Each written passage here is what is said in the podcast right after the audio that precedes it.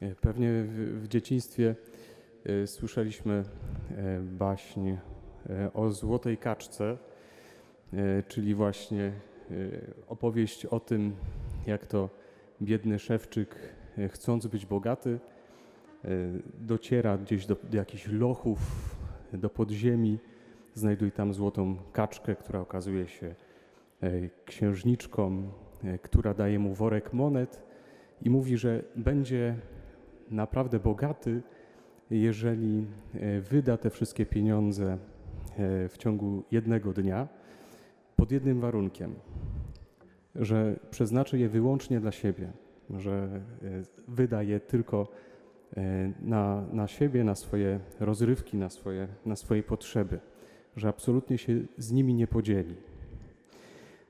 Nie taka jest logika duchowa, o której właśnie czytamy dzisiaj w Ewangelii. Jest zupełnie odwrotnie. E, Tam e, czterech mężczyzn e, przynosi e, chorego.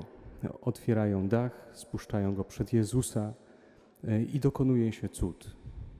E, Dlaczego o tym mówię? E, Warto e, spojrzeć właśnie e, na to Słowo Boże jako na zachętę do tego, że jeżeli chcemy sami uzdrowienia, jeżeli jest nam źle, e, jeżeli sami czujemy się w potrzebie, e, powinniśmy e, też zobaczyć, czy ktoś obok nas nie potrzebuje naszej pomocy.